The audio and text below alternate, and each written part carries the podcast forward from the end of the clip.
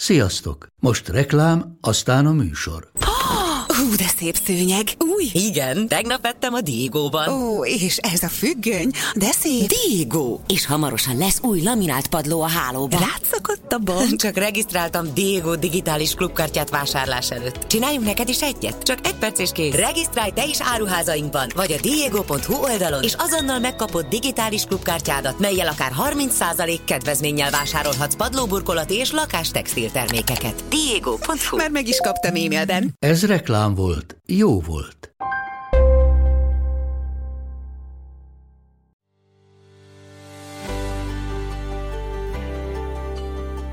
Sziasztok! Ez itt a Mesélyanyukám. Az Éva magazin minden hétfőn új adással jelentkező podcast műsora.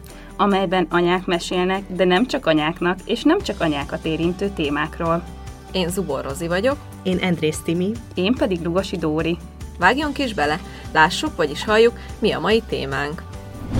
Nagy labor, vér- és vizeletvizsgálat, fogászati ellenőrzés, bőrgyógyászati szűrés, tüdőszűrés, mellellenőrzés, méhnyakrák szűrés.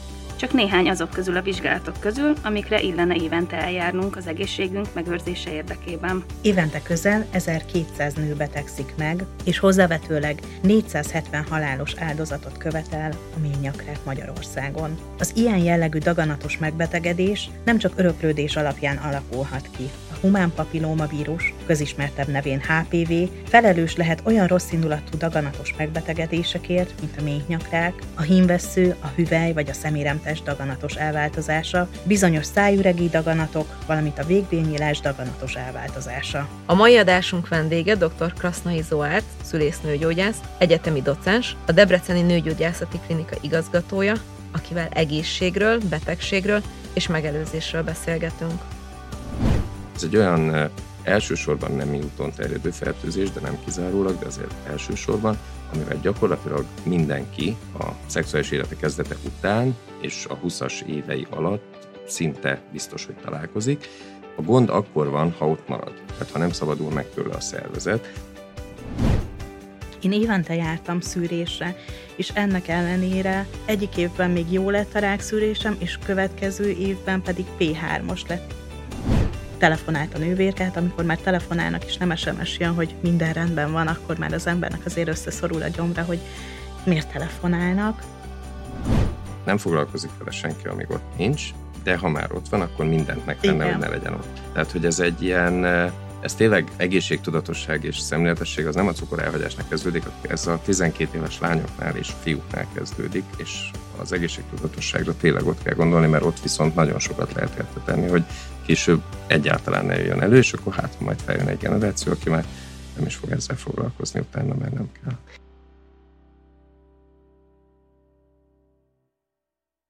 Hát megint egy nagyon komoly témát hoztunk fel a mai adásban, de azt hiszem, hogy ez a legfontosabb, amiről beszélgethetünk. Az lenne a kérdésem hozzátok, lányok, hogy mikor voltatok utoljára vérvételen, tüdőszűrésen, mell-ultrahangon, ményakrák szűrésen, bőrgyógyásznál, anyajegyeket ellenőriztetni. Dóri, te mikor voltál utoljára gyógyásznál? Mm, négy napja, és nagy vérvételen laborral mindennel együtt egy hete voltam, vagy egy hete voltam. Jó, jó, Dóri. oké, jó. Hát a Rozi kérdez, illetve te kérdeztél. 36 hetes. Azt ve- arra válaszolj, ami nem természetes, ami nem jár a várandóságoddal együtt most. Hát az van, hogy szerintem, amióta én felelősségteljes felnőttként részben tudok gondolkodni, azóta én folyamatosan vagy várandós vagyok, vagy szoptatok, vagy szülök. De egyébként nekem, én például bőrgyógyászhoz majd, hogy nem másfél évente elmegyek, mert én, nekem van egy ilyen, az agyamba egy ilyen gondolat, hogy nekem meg kell vizsgáltatnom a kis anyajegyeimet, meg egyébként én a, a HPV szűrést is mindig megcsináltatom akkor, amikor éppen nem vagyok várandós, mert, és azt nagyon korántól egyébként én elkezdtem, mert valahogy ez így a, nem tudom, nem, nincs a felmenőim között olyan, akinek bármilyen ilyen megbetegedése lett volna, de ezt, ezt valahogy így beletették az agyamba, és ide ilyen két évente talán, de ugye mivel pont úgy jön ki, hogy másfél évente nem vagyok terhes, ezért másfél évente elmentem az elmúlt időbe. Én nekem a gyerekek hozták meg azt, hogy erre figyelek, mert én azelőtt nem figyeltem erre, nem jártam semmilyen vizsgálatra. Nekem tök megvan az a gondolat, vagy az az ilyen emlékkép, hogy amikor megszületett a Máté, és talán így először mentem nélküle valahova, és átmentem autóval egy kereszteződésbe, és így megcsapott a gondolat, hogy úristen, most mi van, hogyha valaki átjön, mit tudom én, még egy sárgám, vagy, vagy tehát tudjátok, nem úgy tartja be a szabályt, és akkor velem történik valami, és én nem tudom felnevelni a gyerekemet, és akkor nekem azóta van az, hogy évente megyek mindenféle szűrésre, és mondjuk nekem hozzásegít a munkahelyem is, hogy évente elküldenek mindenféle vizsgálatra kötelezően, úgyhogy ők is figyelnek erre, de nekem azt hozta meg azelőtt, ma mindig mondták, hogy de voltál orvosnál, és ezt tüdősző, és meg persze, persze mindenkinek mondtam, de sose jutottam el, úgyhogy nekem így ez azóta van. Hát akkor ti a, a jobban magukra figyelő, de kevesebb táborba tartoztok, mert olvastam egy tanulmányt, hogy a nők miután édesanyák lesznek, saját magukat sorolják ugye háttérben, és sokkal kevesebben járnak el nőgyógyászati szűrésre például, mert hogy nincsen idejük saját magukra, és magukra fordítanak legkevesebb időt, a gyereket elviszik minden köhögéssel a védőnőhöz, a gyerekorvoshoz, de ő maguk három évente járnak szűrésre mondjuk. Ó, hát ezt nem is gondoltam volna, mert mondom, nekem meg pont fordítva hozta meg, hogy, hogy az, hogy, hogy sokáig itt tudjak velük lenni emiatt. Igen, én is ezt gondolom. Te mennyire jársz? Hát az a helyzet, hogy ez a, az elmúlt Covid idő, ez egy kicsit így, így bezavart. Én megmondom őszintén, hogy amikor, amikor az a Covid volt, akkor én nem mentem el nőgyógyászhoz, ott kimaradt egy év. Meg bőrgyógyászhoz sem, meg fogorvoshoz sem mentem el akkor. Úgyhogy ez itt egy kicsit bezavart nekem, de egyébként évente járok én is. Mindig évvégére teszem ezeket a szűrővizsgálatokat, mert hogy arra gondolok, hogy akkor milyen jó azzal a tudattal indítani az új évet, hogy egészséges vagyok, és ez, minden rendben van. Ez jó gondolat. Fogorvoshoz látod, én se jártam, és meg is lett a böltje. Járjatok fogorvoshoz is. meg egyébként már bocs, de én nekem ez egy én idős kikapcsolódás, ha megyek egy kicsit előbb, tök csend van, senkinek nem kell sehova felállni, meg semmit csinálni, úgyhogy én én idős kikapcsolódásnak is használom. Doktor úrnak mi a tapasztalata? Milyen sűrűn járnak a nők nőgyógyászos szűrővizsgálatra? Kezdi csókolom, szeretettel köszöntöm a hallgatókat. Ez egy jó kérdés, itt több dolog elhangzott, amire reagálhatnék. Igazából a a szűrővizsgálatoknak két formája van alapvetően a nőgyógyászati rákszűrést illetően. Az egyik a citológiai szűrés, amiről volt szó, és a másik a HPV szűrés, amiről szintén volt szó. És ez, ez mind a kettő az úgynevezett szekunder prevenció, azaz a másodlagos megelőzés kategóriájába tartozik, tehát hogy észrevegyük a, a daganat megelőző állapotot, mielőtt az tulajdonképpen gondot okozna. És a ményakrák ilyen szempontból egy olyan betegség, ami nagyon sok év alatt alakul ki klasszikus formában.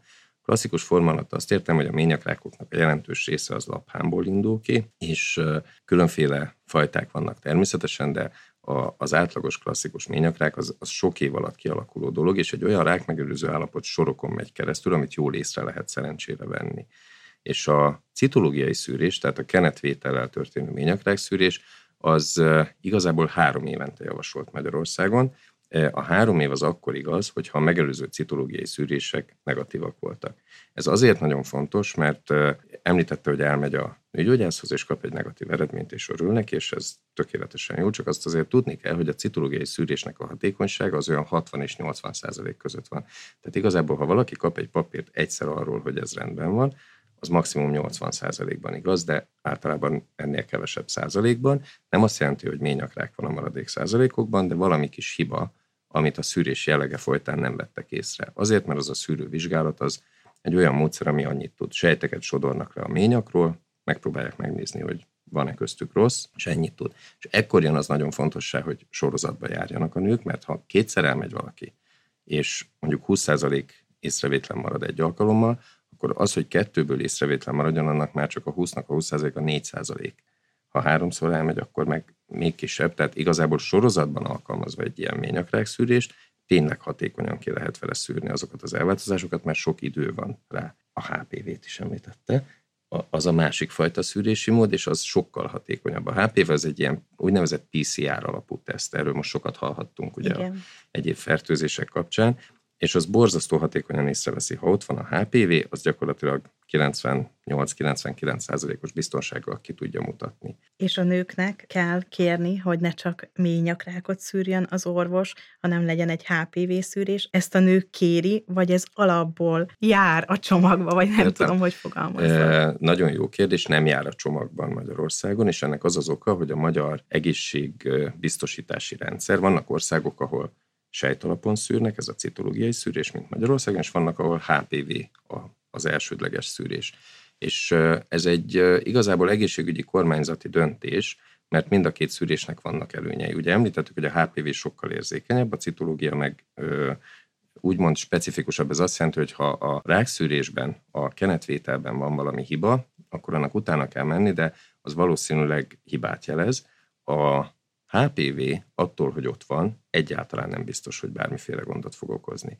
Ugyanis még egy nagyon fontos dolog itt nem hangzott el, hogy 90% fölött mindannyian elkapjuk a HPV-t, feltéve, ha nem vagyunk oltva. Tehát a, a felnőtt korú lakosságnak 40 éves korára vagy kora fölé 90%-a átesik ezen a fertőzésen.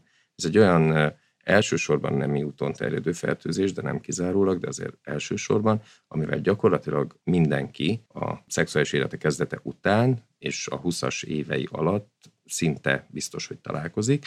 A gond akkor van, ha ott marad, tehát ha nem szabadul meg tőle a szervezet, illetve még egy nagy gond van vele, hogy nem igazán csinál olyan immunválaszt a természetes fertőzés, amire, amivel védeni lehetne ellene. Tehát el lehet kapni egyszer, kétszer, sokszor, minél többször kapjuk el, minél több típust kapunk el, annál nagyobb az esély, hogy az egyik végül ott ragad, beépül a sejtjeinknek a DNS-ébe, és akkor tud rákot okozni.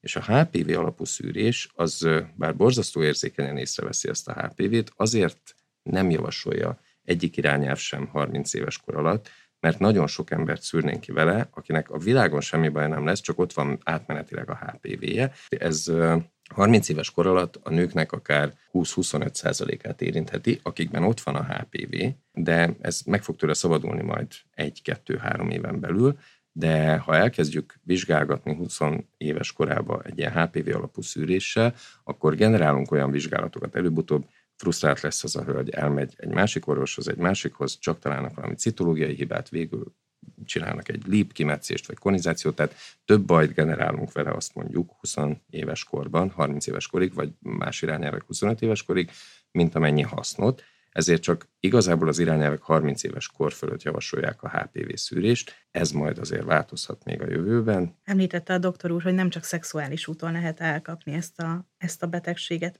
Milyen más úton kerülhet be Igazából bőr kontaktussal is. A nem szexuális úton ezt úgy értem, hogy hogy nemi kapcsolat útján, tehát egy behatolásos nemi kapcsolattal történik ennek az átadása a leggyakrabban, de igazából a bőrén is ott van annak a személynek, aki HPV-s, ott lehet a torkába, ott lehet a, a egyéb részeken a, a nemi szerven, tehát ha például egy óvszert felhúz valaki, az nem véd meg, csökkenti a veszélyét annak, hogy HPV-vel fertőződik, de egyáltalán nem véd százszázalékosan az óvszer a HPV ellen, úgy, mint mondjuk védene a HIV ellen, vagy a gonorra ellen, vagy a nembetegségek ellen, ugyanis más részein a testnek is ugyanott van ez a vírus. És azt is említette a doktor úr, hogy nem feltétlenül okoz ményakrákot ez a vírus. Kaptunk egy tájékoztatót, amit elolvastam, és most már tudom, hogy közel 200 törzs létezik HPV-ből. Miket okoznak? Nagyon sok törzse van valóban a HPV-nek, ezt ketté kell alapvetően választani, hogy vannak a magas rizikójú fajták, amik a daganatokat okoznak, okozzák, és az alacsony rizikójú fajták, ezek nagyon kellemetlen nemi szervi szemölcsöket tudnak okozni. Ez nem halálos, de akinek van, az nagyon szeretné, hogy ne lett volna, mert macerás tőle megszabadulni igazából, mint minden vírusfertőzés, meg az ilyen szemölcsök, nincs rá egy konkrét gyógyszer, amit megeszek és elmúlik, hanem le kell kémiailag égetni, vagy fagyasztással, vagy lézerrel, vagy más módon, tehát ezek, ezek kellemetlen elváltozások, és ezek az alacsony rizikójú fajták. A magas rizikójú fajtákból is nagyon sok van, de összesen azért nagyon kevés az, ami a ményakrákok többségét okozza. Tehát itt ilyen 7-9 típusról beszélünk, amik a legagresszívabb típusok, tehát egy limitált számú típus. Ezen felül ezek a, az agresszív, magas rizikójú típusok a végbéldaganatainak a nagy részét okozzák, a fejnyakdaganatokat, gégedaganat, garagdaganat, szájüregi daganatoknak nagyon nagy részét, és nem csak nőkben, ugyanúgy férfiakban is. Itt a ményakrák az azért kapott elsősorban a HPV és a ményakrák kapcsán azonnal mindenkinek a ményakrák ugrik be. Ennek két oka van, hogy a, a ményakrák szűrést azt ugye a George Papanikolaou, ez a görög származású amerikai citopatológus a kenetvétellel bevezette több mint 70 éve, és nagyon jól javította a halálozást, tehát ez ugye azért figyelem fókuszában van. Az egyéb daganatok nem szűrhetőek ilyen jól, amiről az imént beszéltem. És a másik daganat, vagy a másik probléma a ményakrákkal, hogy a ményakrákoknak gyakorlatilag 99%-ában ott van ez a vírus, még mondjuk a szeméremtesti daganatoknak nagy részében ott van, de azért ez nem 99%, meg a szájüregi daganatoknál is nagy részben ott van, de ez nem 99%. A ményakrák annyira HPV-től függ, hogy gyakorlatilag megfordítva a dolgot kijelenthetjük, hogy ha HPV nincs, ha nincs HPV fertőzés, biztos, hogy nincs ményakrák. És ezért annyira jó a szűrés, a primer HPV szűrés, tehát ha elsődlegesen HPV-t nézünk, ahogy a hölgy említette, ha neki negatív, akkor az egy nagyon-nagyon jó előrejelzője annak, hogy neki biztos, hogy a következő öt évben nem lesz ményakrákja. Ugyanis ha valakinek negatív a HPV-je, és utána mondjuk beszerzi a következő héten megfertőződik HPV-vel, akkor is nagyon sok idő, mire az a nulláról bármit fog csinálni a ményak hámjában. Tehát nagyon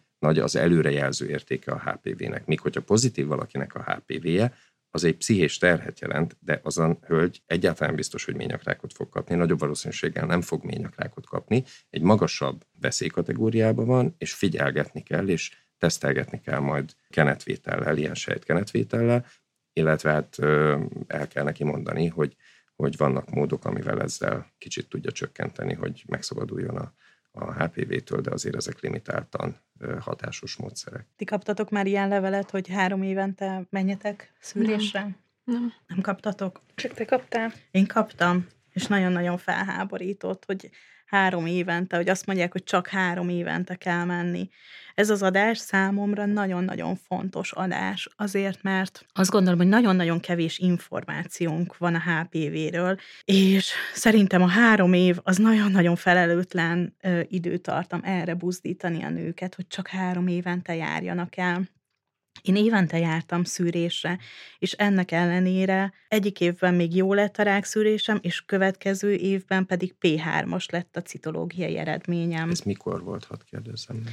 Ez nyolc évvel ezelőtt volt. P3-as citológiai eredményt 2001 óta nem lenne szabad kiadni a labornak, mert más ö, rendszerbe dolgozunk. Tehát a P3 az egy nagyon régi ilyen a P1-től P5-ig, uh-huh. az egy nagyon régi beosztás. Azt a Papa Nikolaou megcsinálta a múlt század 50-es éveiben, és a Bethesda rendszert használjuk 2001 óta hivatalosan Magyarországon. Ez 2004-ben ami ennél sokkal részletesebb beosztást ad, és az a hivatalos beosztás, és az, hogy P3 az egy borzasztó tág kategória. Uh-huh. az az egészen enyhe bajtól, az egészen súlyos bajig mindent egybefogott ebbe a régi rendszerbe, és pont ezért használnánk az újabbat, hogy sokkal több információt ad arra, hogy, hogy pontosan milyen irányba kellene azzal menni. Biztos, és akkor most milyen skála van? Ez a Bethesda féle beosztás, ez egy egészen annál sokkal bonyolultabb beosztás, és a lényeg az, hogy az a baj sokszor, hogy ez a, a Papa beosztása egyszer leszűkítjük erre, mert át, sok nőgyógyász átfordítja a betegének, mert olyan egyszerűen lehet érteni, hogy a P. Igen.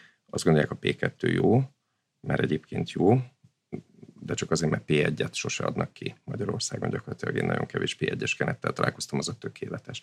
És a, a betegek jobban szeretik a P3-at, csak utána minden beszélgetésben, meg az önleletében is, hogyha ráírták, hogy P3, ez megy tovább, és elvész az információ esetleg a következő szakember számára, akihez ön megy, és aki, aki ennek alapján újra kell, hogy kezdje az egész értékelést, vagy a dolgokat. És neked hogy volt ezután, mi történt ezután? Hát ugye elmentem november végén, vagy decemberben, ahogy szoktam, és akkor ugye mm, telefonált a nővérkát, amikor már telefonálnak, és nem SMS jön, hogy minden rendben van, akkor már az embernek azért összeszorul a gyomra, hogy miért telefonálnak és mondta az asszisztens hogy, hogy újra meg kéne ismételni ezt a vizsgálatot, de nagyon kedves volt, mert így elcsitította így a félelmemet, mondta, hogy lehet, hogy rosszul vették le, vagy lehet, hogy valami gyulladás volt a szervezetembe, menjek el újra. Újra megcsinálták a, a szűrővizsgálatot, de akkor már HPV szűrővizsgálatot is csinált az orvosom. Annak is megjött az eredménye, és akkor mondta, hogy ez egy ményakrák megelőző állapot, ami kialakult a szervezetemben,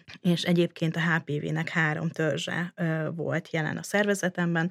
Az egyik az egy, az egy ilyen kedvesebb fajta, és a másik kettő az pedig a magas rizikójú. És akkor nagyon sürgősen elkezdtek keresni időpontot műtétre, pár hét múlva már kaptam is időpontot, de akkor ugye ilyen téli időszak volt, hol én voltam beteg, hol a doktor úr volt beteg, és akkor végül is április elején került sor a műtétre, mert hogy ö, eltávolították a beteg részeket a mészájból is, és a ményakból is, ez egy ilyen kúp alakú kimetszés, jól mondom, doktor úr, 5, for, 5 forintos alapja van a kúpnak, és úgy, úgy szűköl össze.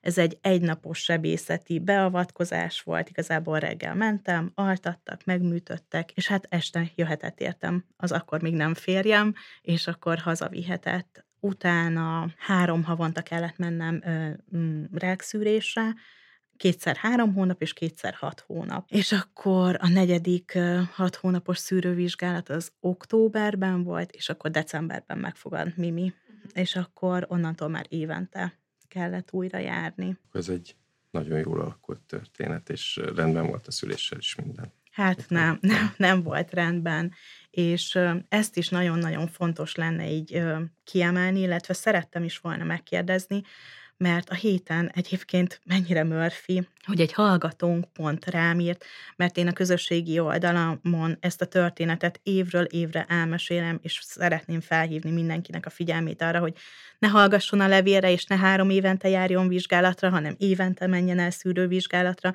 mert hogyha mondjuk én három év múlva mentem volna el, és hogyha egy év alatt már ilyen P3-as, vagy nem tudom, hogy milyen sorolásban mondjam, akkor ki tudja, hogy mi lett volna még két év múlva, akkor, akkor nem biztos, hogy, vagy na, az ember a legrosszabbra gondol. Amire, amire ez a történet nagyon jó felhívja a figyelmet, több dolgot is megválaszol, amit itt előtte beszéltünk, hogy ez igazából ez egy másodlagos megelőzés, tehát észre akarjuk venni a bajt, ha kialakul.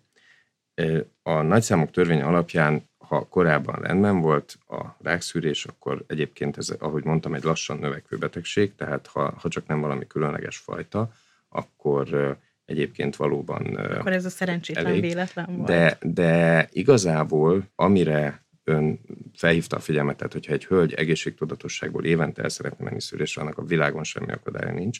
Ha van egy magyar egészségbiztosító, akinek az a dolga, hogy a magyar nőket úgy általában megvédje, és erre egy szűrőprogramot elindít, amiben van x darab orvos, x darab rendelő, és van 5 millió nő, ebből nyilván nem 5 milliót kell szűrni, mert vannak, akik nagyon fiatalok, vagy nagyon idősek, de, de sok millió nő, akkor erre neki meg kell alkotni egy programot. És a világon mindenhol így gondolkoznak a döntéshozók, és egy három évente egy szűrés, az egy teljesen rendben levő, szakmailag rendben levő program a, ha valaki gyakrabban akar menni, mert az egészségért tenni akar, az nagyon jó, hogyha valaki egészségtudatos, mint ön.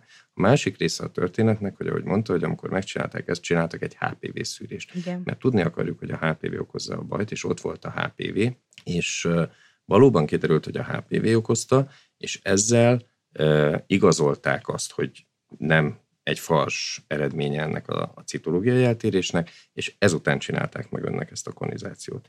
Azért nem esnek neki minden hölgynek, hogy egyből megcsinálják ezt a kimetszést, ennek különben ez az egyik formája, amikor így késsel kúpalakut vágunk ki, a másik meg, amikor egy ilyen elektromos kacsal egy vagy kúprészt, vagy másfajta részt az általában kíméletesebb, de koraszülést okozhat, a ményakon hegesedést okozhat, tehát egy csomó olyan gondot okozhat később, amiért ezzel igencsak óvatosan kell bánnunk. És arra hívja fel ez a figyelmet, hogy tehát amiről eddig beszéltünk, az a másodlagos megelőzés.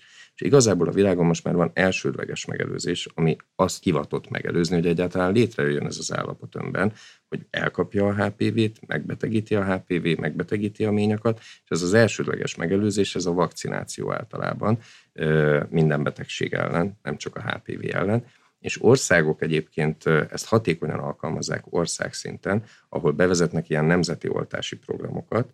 Ezt Ausztrália vezette be legelőször 2006-ban, azóta van ilyen elérhető védőoltás, és pontosan amellett, hogy megvédi a nők oltott hölgyeknek a jelentős részét, az ellen, hogy majd valamikor sokára ményakrákot kapjanak, pontosan az ellen is nagyon tudjuk, hogy megvédi, hogy kialakuljon egy ilyen citológiai eltérés, tehát egy sejteltérés, tehát azokat, akiket oltanak, sokkal ritkábban fognak kapni, ha egyáltalán olyan eredményt, hogy nem jó a rákszűrésük, és ezt a pszichés tervet el kell viselni, illetve megvédi nagyrészt az ellen, hogy ilyen beavatkozásokon kelljen átmenniük, hogy ki kelljen vágni egy darabot a ményakból, erre tudományos bizonyítékok vannak. Tehát az elsődleges megelőzés nem ebben a tekintetben bármiben, az mindig meg előtte van a dolgoknak, és jobb, mint a másodlagos, mert az meg valahogy szalad utána a dolgoknak, csak korán akarja észrevenni a bajt. Hát igen, amikor mi voltunk általános iskolások, akkor ez a program még nem létezett. Mesélne, ez így van. Mesélne erről, doktor úr, hogy hogy ma Magyarországon hogy van ez Mi az helyzet? oltási program? Megint annyira jót mondott, hogy amikor mi ön volt általános iskolás, azért tulajdonképpen egy szerencsés országba született ilyen szempontból, mert Magyarországon visszamenve még a múlt századba, a TBC az egy nagyon elterjedt betegség volt, és tulajdonképpen ezt úgy lehetett legyőzni, hogy nagyon kiterjedt oltási programokat csináltak még a múlt század közepén, től kezdve, és gyakorlatilag ezt a betegséget ezt megszüntették Magyarországon, sokkal jobban, mint a környező országokban, vagy máshol a világon, ahol nem oltanak rutinszerűen TBC ellen, ez csak az egyik dolog. De sok oltást kapunk Magyarországon. Oltanak minket például rubeola ellen. A HPV elleni védőoltási program, ez a nemzeti immunizációs program, ez 2014-ben indult lányoknak. Ezt akkor a 13 éves korosztályra, és onnantól is meg a világon bárhol, ahol ezt adják, a hetedik osztályos lányoknak adják, és a magyar oltási fegyelem az azért nagyon jó, mert Magyarországon közel 80, illetve most már 80 százalék feletti, talán 82 százalék volt az elmúlt évben az átoltottság a lányoknál. Tehát a világ viszonylatban is jónak mondható. A legjobb az lenne, ha mindenki kérni. Arra is rájöttek utána, ugye, amiről itt a beszélgetésben szó esett, hogy azért ez a HPV ez nem úgy van, hogy ül egy nő, és akkor elkapja a HPV-t, tehát az valahogy elkapja, és ebben azért a legnagyobb része a férfiaknak van, illetve hogy a nőknek átadják, meg a nőknek, hogy a férfiaknak átadják, és ezt oda-vissza lehet adogatni, ahogy mondtam, ezt sokszor el lehet kapni.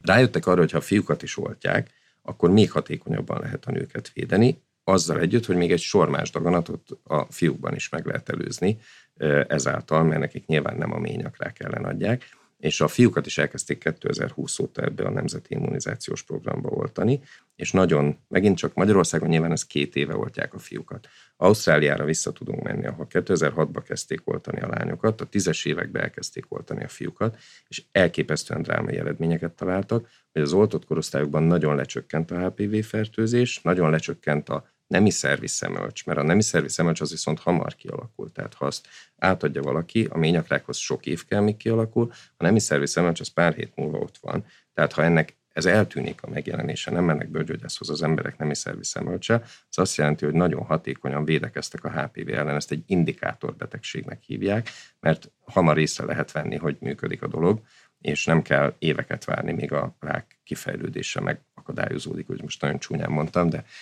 értették. Igen, igen, igen. És igazából ez, ez az Ausztrál példa alapján nagyon jól látható, hogy ha a fiúkat is elkezdik oltani a lányok mellett, akkor az még egy plusz 40 ot hozzátesz a védelemhez körülbelül a nőkkel szemben, vagy nagyon sokat hozzátesz a, a mellett, hogy a fiúkat is megvédi. És Bocsánat, ez választható oltás kint, külföldön is, meg itthon is?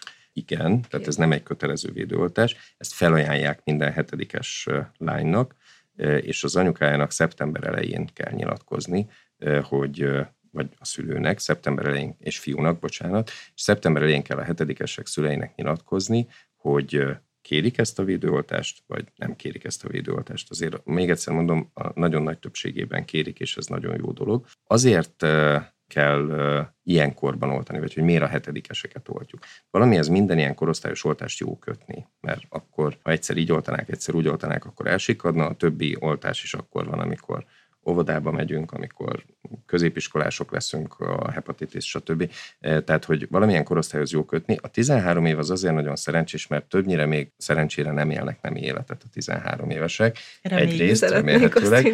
Másrészt, ha élnek is nem életet, az nem egy nagy baj, tehát az nem ellenjavallata semmilyen szinten annak, hogy vakcináció történjen.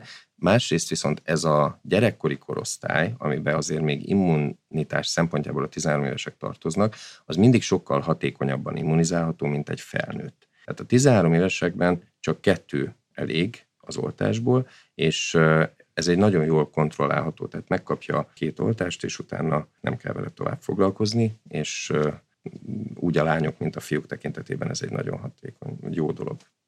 És hogyha felnőttként mondjuk most valamelyik hallgató felbújtulna? Ez is egy nagyon jó kérdés.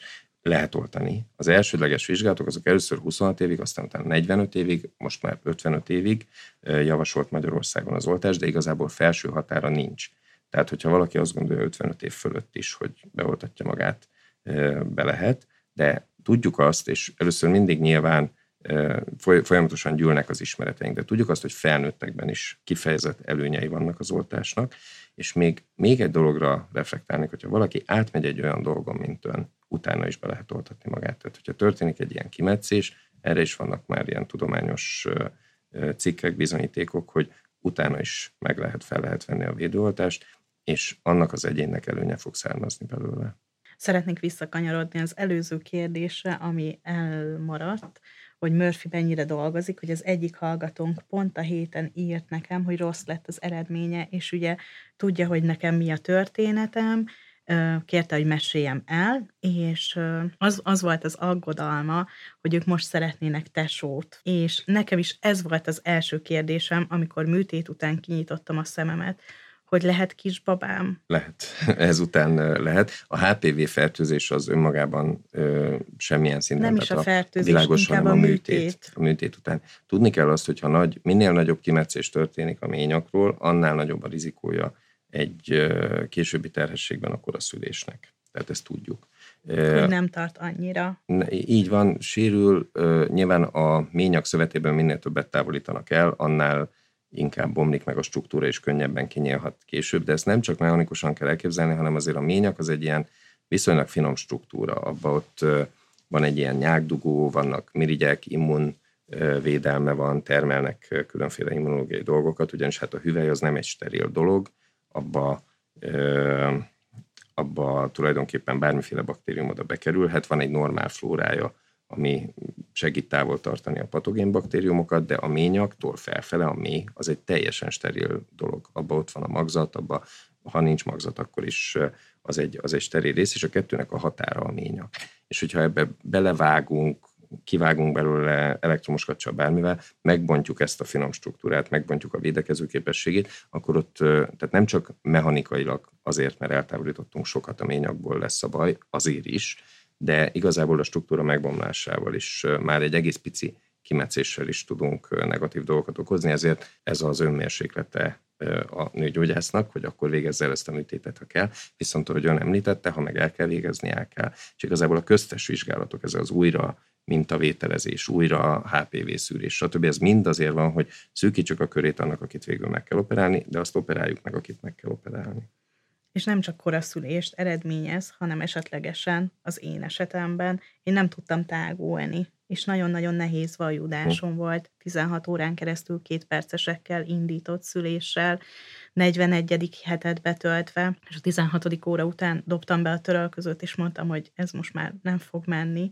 és én nagyon későn kaptam meg a tájékoztatást arról, szerintem nem akart sokkolni így a nőgyógyászom, hogy előfordulhat, hogy a hegesedés miatt nem tágul a ményak mély száj, de azt mondta, hogy olyan is előfordulhat, hogy robbanásszerűen kinyí- ez így van. kinyílik az egész, és hogy ezt így előre nem lehet tudni. Ez így van, tehát azt nem, azt nem tudjuk megmondani, ha nem a ményakba, bárkibe, bárhova belevágunk, hogy ott egy, egy nagyon erős heg fog kialakulni, vagy szöveti gyengeség. Tehát ez attól függ, hogy az egyéni szervezet mennyire. Azért erre vannak megoldások, uh-huh. mindenféle más megoldás, de valóban akinek már a szüléssel kapcsolatban, tehát hogyha valakinek volt egy konizációja, azért ne rémüljön meg, hogy ő nem fog tudni spontán szülni. Valóban lehet, hogy sokáig nem tágul, aztán egyszer csak gyorsan tágul, de közben is különféle műfogások, megoldások lehet, tehát ezt általában lehet uralni ezt a helyzetet. De ilyen kézzel tágításra gondolod? Vagy ballonnal, akár hegásorral olyan is van, hogy nem lehet megindítani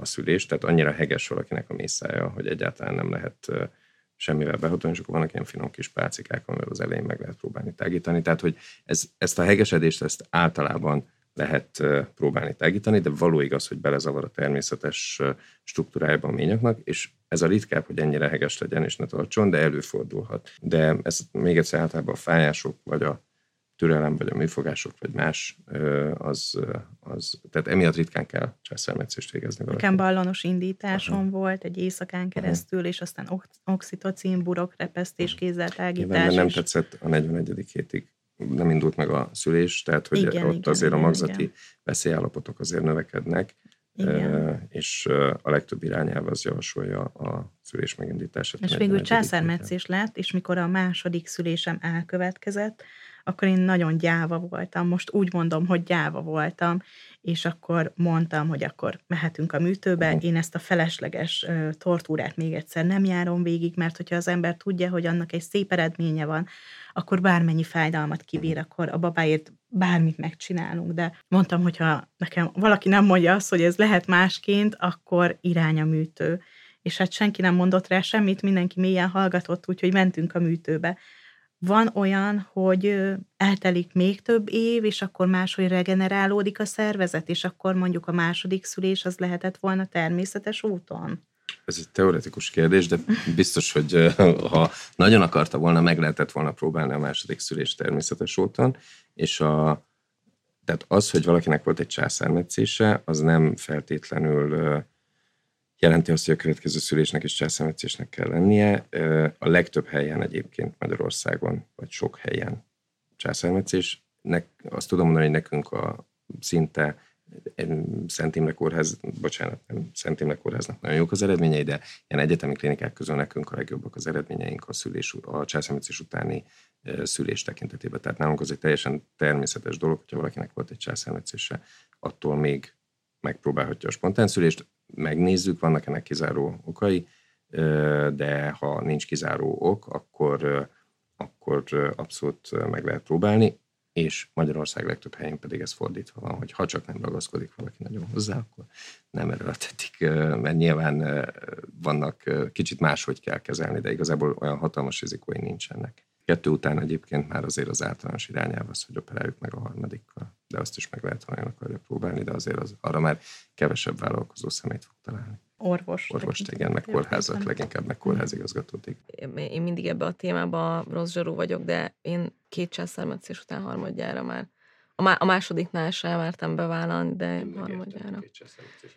Én harmadjára már nem. Pedig ö, volt, voltak többen, akik mondták, hogy beszéljek olyannal, akinek sikerült, és de én, én valahogy így a saját testemben nem éreztem, hogy ez nekem de tudom, hogy van sikertörténet. Most nézek a Dórira, akinek érve forog a szeme a téma kapcsán. Nem, nem.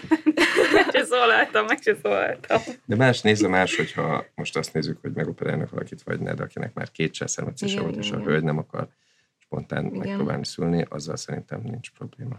Jó, de elmentünk kicsit a témától. Egyébként én nekem az egészben az jutott eszembe, hogy azért arról is nagyon fontos beszélni, hogy, hogy tényleg ez a megelőző oltás, ez a férfiaknak is fontos, nem? Így Hogyha van. jól értelmeztem. Ez egy, ugye erre közben jöttek rá, hogy elkezdték az ausztrál példákat, hogy nagyon nagy egészséghaszna van a férfiaknál is, azt tudjuk, hogy a férfiaknál is van rengeteg HPV asszociált daganat. Nyilván a férfiak azok, most itt feltették a kérdést, és három nővel ültem, hogy ki mikor volt szűrésen, és egy férfi társaságban feltennék a kérdést, azok is biztos így összezuhannának, hogy nem mentek el a éves szűrővizsgálat. Tehát a férfiak kevésbé egészségtudatosak azért szerintem, mint a nők. Egy férfinál az is probléma, hogy kétszer vagy háromszor egy antibiotikumot hét napig bevegyen, hogyha azt be kell venni a saját példámon tudom.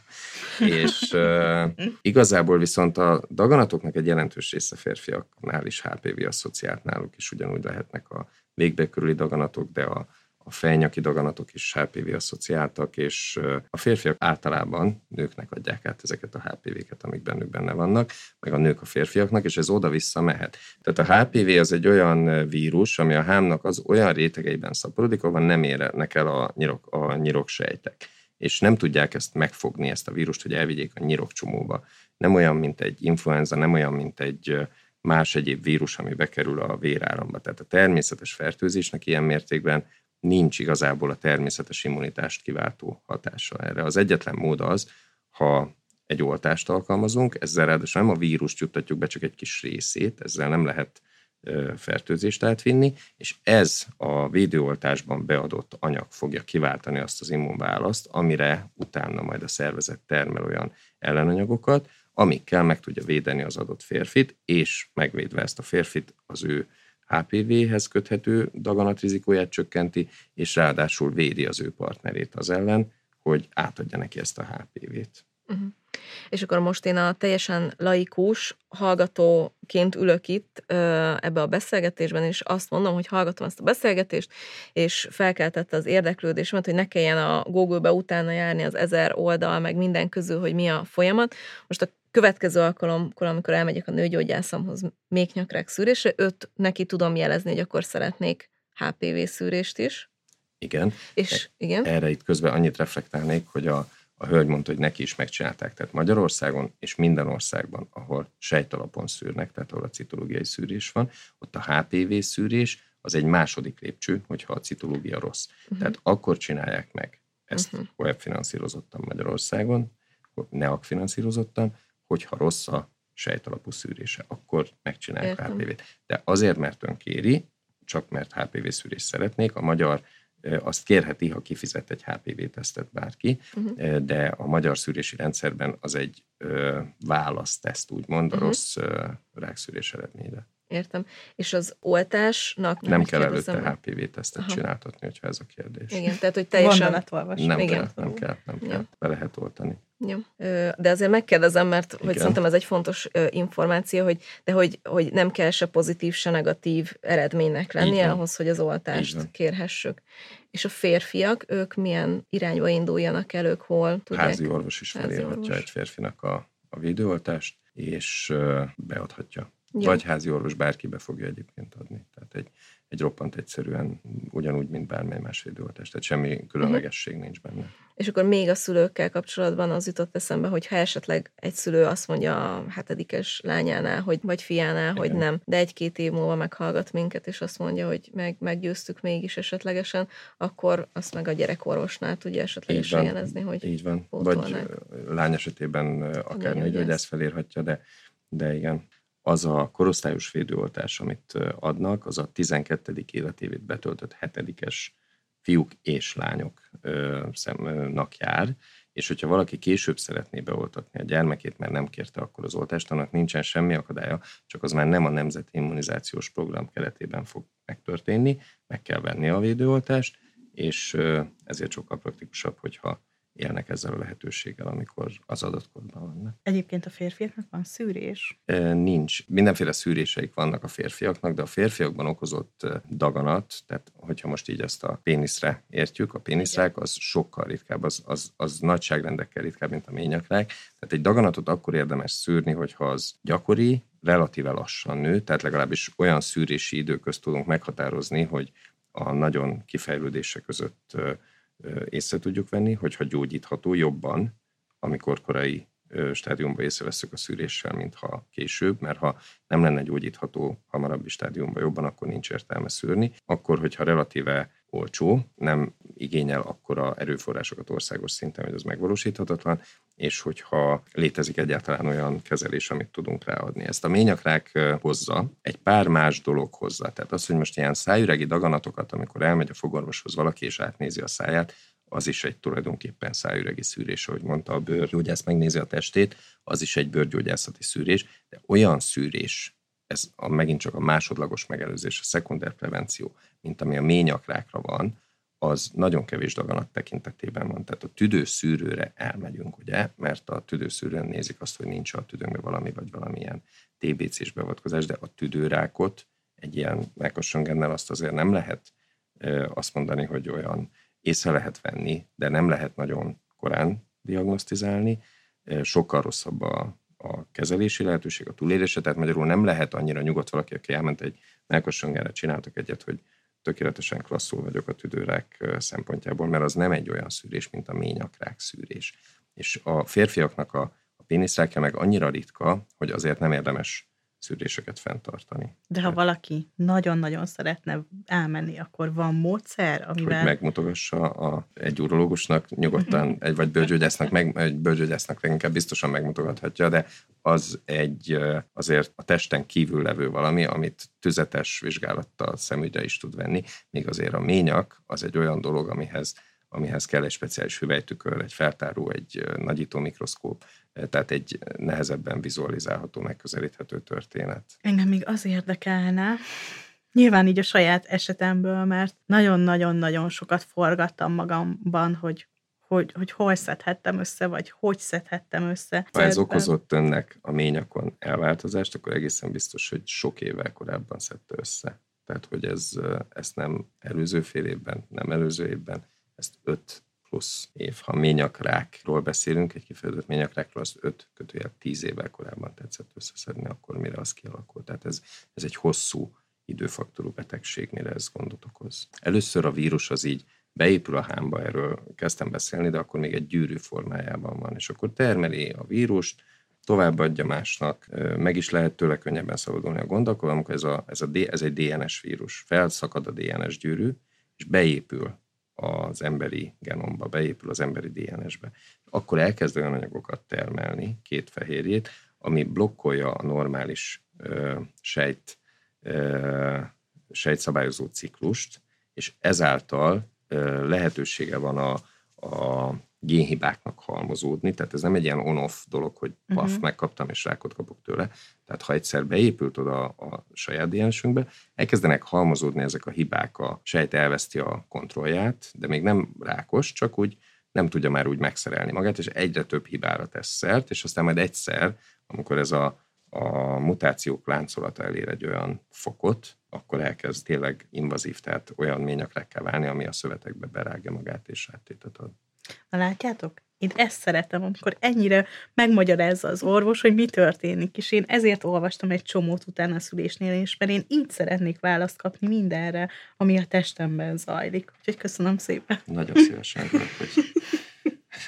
Nekem egy olyan keretes jutott az eszembe, egyszer nem tudom nem kihagyni. Mária Terézia az 1750-es évek közepén az első között volt, aki fekete hímlő ellen beoltotta magát, és az az első, tehát hogy, hogy ő neki nagyon sokan meghaltak a családjából, és ugye gondoljatok bele, hogy az első között volt, és mindenki így rettegette. Csak azért mondom, mert hogy így mindig van egy, egy új oltás kapcsán egy ilyen félelem az emberekben, és hogy nagyon sokan meghaltak a családjában, és ez nyilván nem az az oltás, van esetlegesen a, a, a mai korig, de hogy, hogy mindig van egy első, és így sok esetben érdemes hinni a tudománynak. Ezt szerettem csak volna így ilyen keretesbe hozzárakni. Doktor úr, nagyon-nagyon szépen köszönjük, hogy jött Nagyon hozzánk. szívesen, én köszönöm. És nagyon ö, sok információt kaptunk.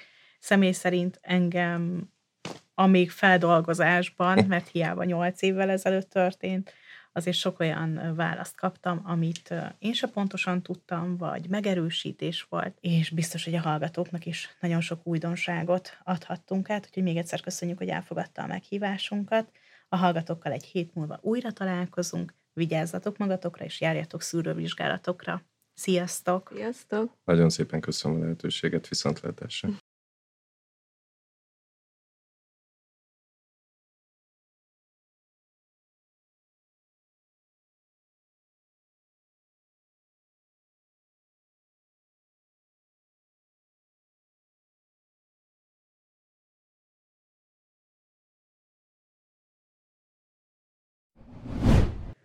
A mai adás az MSD támogatásával készült. Ha hozzászólnátok a témához, kérdeznétek, vagy csak úgy írnátok nekünk, megtehetitek az infókukacévamagazin.hu e-mail címen, de megtalálhatóak vagyunk Instagramon, Mesélyanyukám néven, valamint érdemes csatlakozni a zárt Facebook csoportunkhoz is, amit Mesélyanyukám néven találtok meg. Ott ugyanis velünk, a műsorvezetőkkel, a vendégeinkkel, de akár egymással, a többi hallgatóval is beszélgethettek az adott adás témájáról, kérdezhettek, ajánlhattok témákat, elmondhatjátok a véleményeteket. Ha tetszett a mai epizód, kérjük értékeljétek, vagy osszátok meg, meséljétek el másoknak is, hogy minden hétfőn új adással folytatódik a Mesélyanyukám. Sziasztok!